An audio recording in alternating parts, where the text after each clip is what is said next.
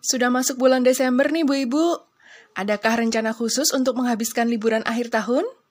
Kalau nggak ada sama sekali, mending di rumah aja deh utak-atik HP buat bikin podcast. Wah, emangnya bisa Bu Inung? Bisa banget. Tinggal download aja aplikasi Anchor.fm. Bu Ibu bisa langsung rekam suara indah Bu Ibu itu loh. Terus di-save, lalu edit audionya, dan tambahin musik latarnya. Terus abis itu tinggal publish deh. Udah otomatis terkoneksi ke Spotify dan banyak platform podcast lainnya. Asik banget kan? Asiknya lagi nih, semua itu bisa dilakukan dengan gratis 100%.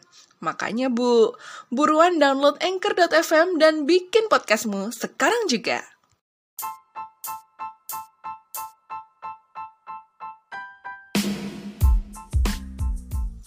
Assalamualaikum Bu Ibu. Bulan Desember akhirnya datang juga ya. Buat sebagian Bu Ibu, pasti seneng banget nih bisa ketemu Desember lagi. Karena ya akan merayakan hari Natal bareng keluarga tanggal 25 nanti. Sekarang sih baru tanggal 1 ya, emang ya. Tapi aku yakin Bu Ibu udah sibuk nih bikin planning. Mau ini, mau itu, dan sebagainya. Oh iya Bu, ingat nggak ya? Kalau tanggal 1 Desember ini diperingati sebagai hari apa? Hah? Hari apa ya Bu Inung? Aku lupa. Aduh, duh, duh, duh, duh. coba deh dicek dulu di kalender Bu, ada peringatan apa? Dicek dulu ya. Nanti kalau udah balik lagi ke sini ya di podcast Bu Ibu bareng Ibu Inung.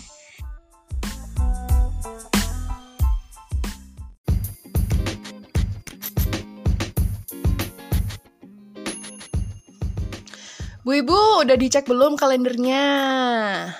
Udah tahu tanggal 1 Desember diperingati sebagai hari apa? Ah? Nggak nemu juga? Coba googling deh, googling, googling, googling sekarang. Udah ketemu kan ya? Iya, tanggal 1 Desember itu diperingati sebagai World AIDS Day alias Hari AIDS Sedunia. AIDS tahu ya? AIDS. Penyakit AIDS itu loh, ya. Nah, dicanangkannya Hari AIDS Sedunia pada tahun 1988 dulu itu sebagai satu momentum untuk mengingat banyaknya orang yang meninggal karena HIV AIDS. As we know ya, Bu Ibu ya, sampai sekarang nih AIDS itu belum ada obatnya yang sifatnya benar-benar menyembuhkan gitu loh, menghilangkan penyakit itu dari tubuh itu belum ada. So, that's why AIDS ini bisa dibilang adalah penyakit yang mematikan gitu. Nah, yang ada saat ini itu hanyalah obat yang sifatnya bisa mengurangi gejalanya saja yang bisa memperlambat bertambah parahnya penyakit dan mencegah infeksi sekunder serta komplikasi. Nah, as we know juga ya Bu Ibu ya, bahwa yang namanya HIV AIDS ini nggak memandang usia, dari anak sampai dewasa, terus juga nggak memandang gender juga, male, female, itu bisa kena dan membawa virus ini selama hidupnya. Beda ya dengan flu. Flu itu kan bisa diobati, bisa mati virusnya setelah diobati, gitu. Nah, meski begitu, yang namanya AIDS ini juga gak mudah juga kok penularannya karena sifatnya bukan airborne kayak flu gitu ya yang hacim terus langsung kena gitu. Orang lain bisa ketularan gitu ya. Enggak. Kalau HIV ini hanya bisa ditularkan melalui kontak cairan tubuh seperti cairan vagina atau sperma saat melakukan aktivitas seksual. Terus juga uh, ada penggunaan jarum suntik secara bergantian kayak gitu. Penularan HIV itu bisa terjadi lewat hubungan seksual tanpa kondom, baik lewat vagina, anal seks, ataupun juga oral seks ya jika terdapat luka terbuka pada mulut si pengidap HIV itulah tadi. Nah, selain itu Bu Ibu, seseorang yang suka berganti-ganti pasangan seksual nih juga lebih beresiko untuk terkena HIV. Mungkin Bu Ibu udah sering dengar seperti ini ya bahwa HIV itu biasanya memang menjangkiti orang-orang yang sering berhubungan uh, berhubungan seks dengan pasangan yang berbeda-beda kayak gitu. Nah, terus solusinya gimana? Kayak gitu kan. Mungkin Bu Ibu pernah dengar dulu ada seseorang pejabat negara, pejabat daerah suatu provinsi itu memberikan sebuah statement untuk uh, mencegah untuk memberikan solusi mencegah uh, bertambahnya kasus penderita HIV AIDS ini. Katanya adalah solusinya dengan cara berpoligami. Itu. Itu dibilang sama Wakil Gubernur Jawa Barat beberapa bulan lalu. Meskipun sebenarnya setelah itu beberapa beberapa saat setelah itu dia kemudian minta maaf atas statement itu karena banyak yang ngegeruduk ya.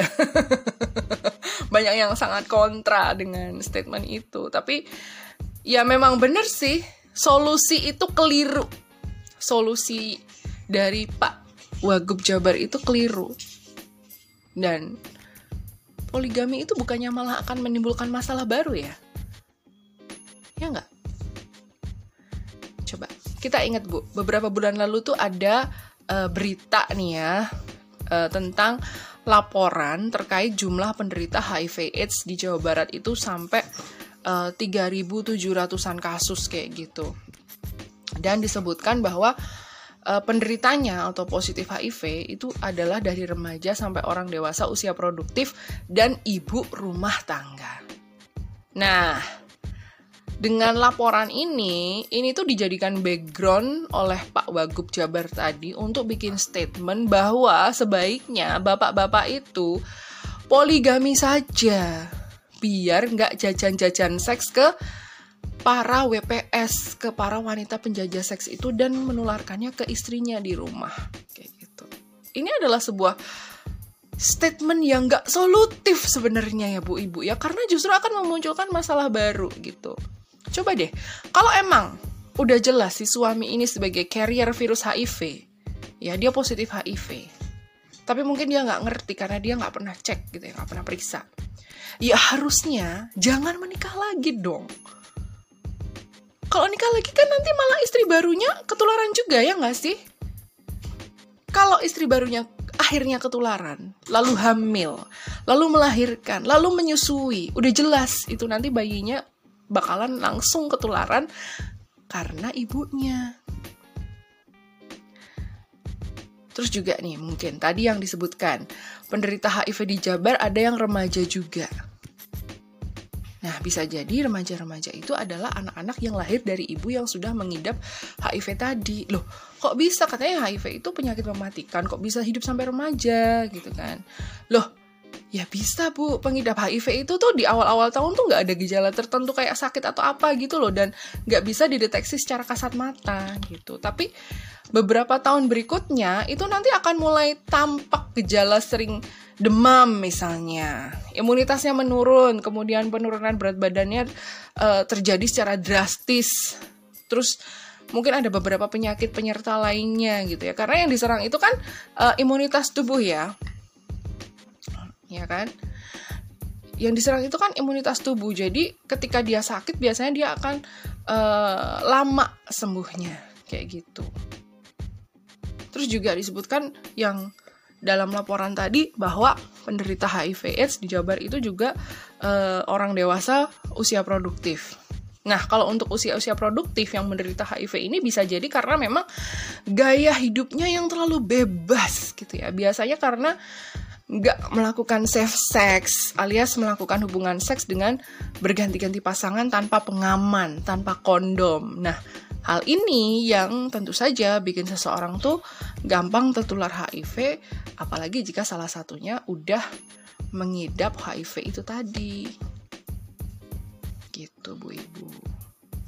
Kalau melihat data yang dikeluarkan pihak Dinkes Jabar tentang seberapa banyak jumlah kasus penderita HIV tadi, aku kan sempet diskusi nih tentang tentang ini nih sama suamiku gitu ya. Begitu berita ini merebak beberapa beberapa waktu yang lalu aku sama suamiku tuh menjadikan ini sebagai bahan diskusi. Karena suamiku kan pernah ya uh, dekat dengan hal-hal yang terkait dengan HIV AIDS gitu.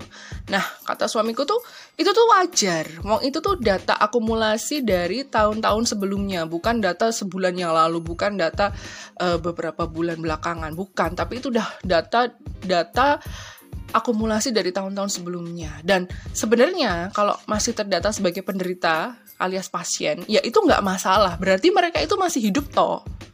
Mereka itu masih hidup toh. Itu tuh bukan angka orang yang udah meninggal gitu loh.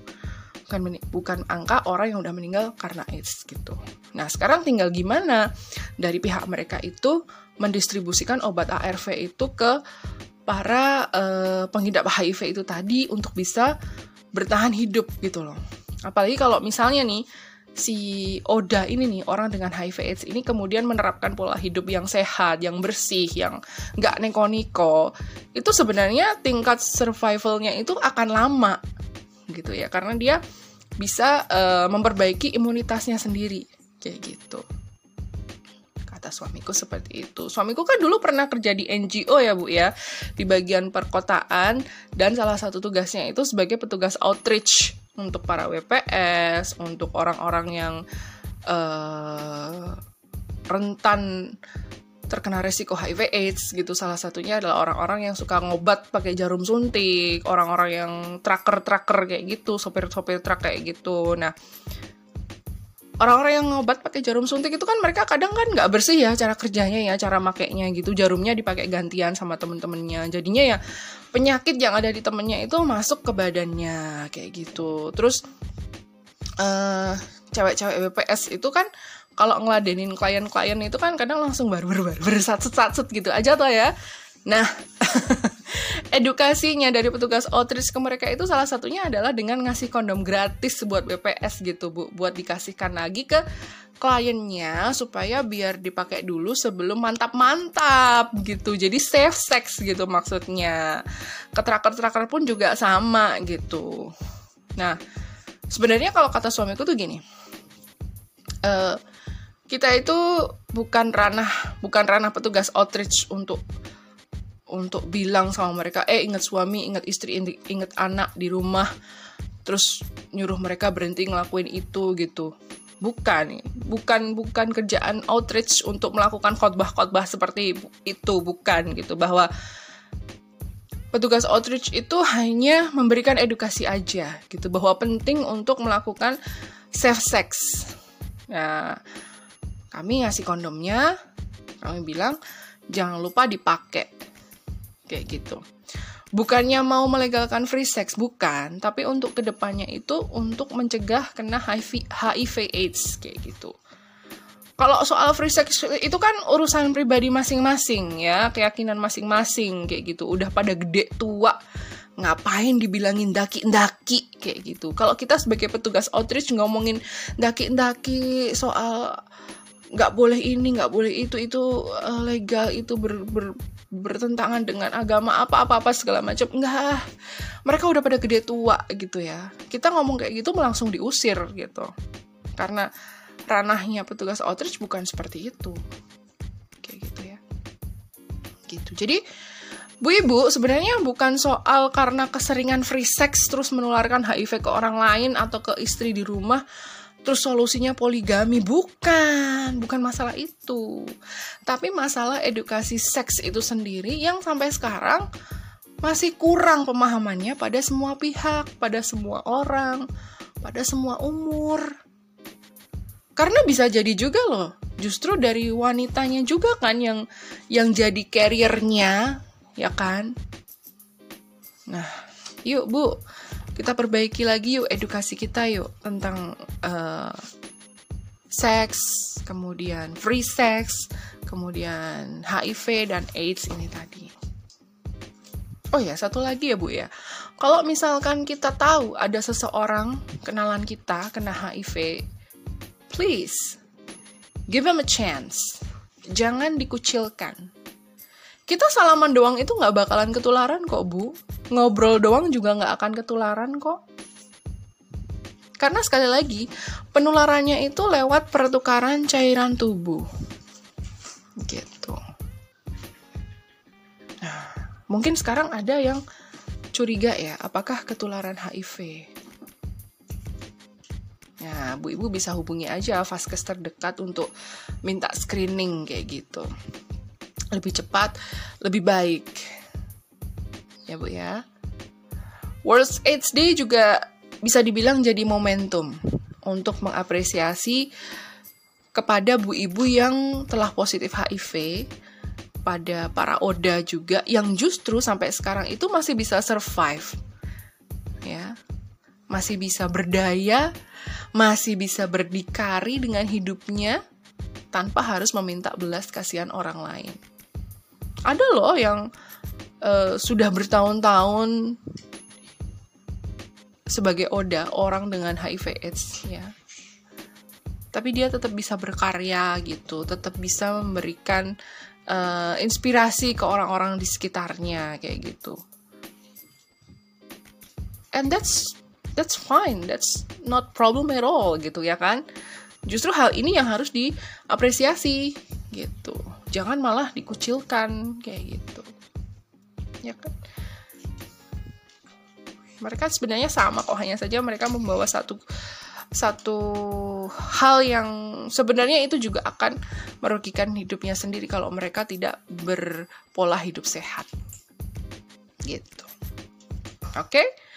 Untuk teman-teman Oda, untuk teman-teman yang positif AIDS, aku ucapin selamat Hari AIDS sedunia ya. Semoga makin uh, tetap bisa survive dan makin bisa berdaya dan berdikari dalam hidup.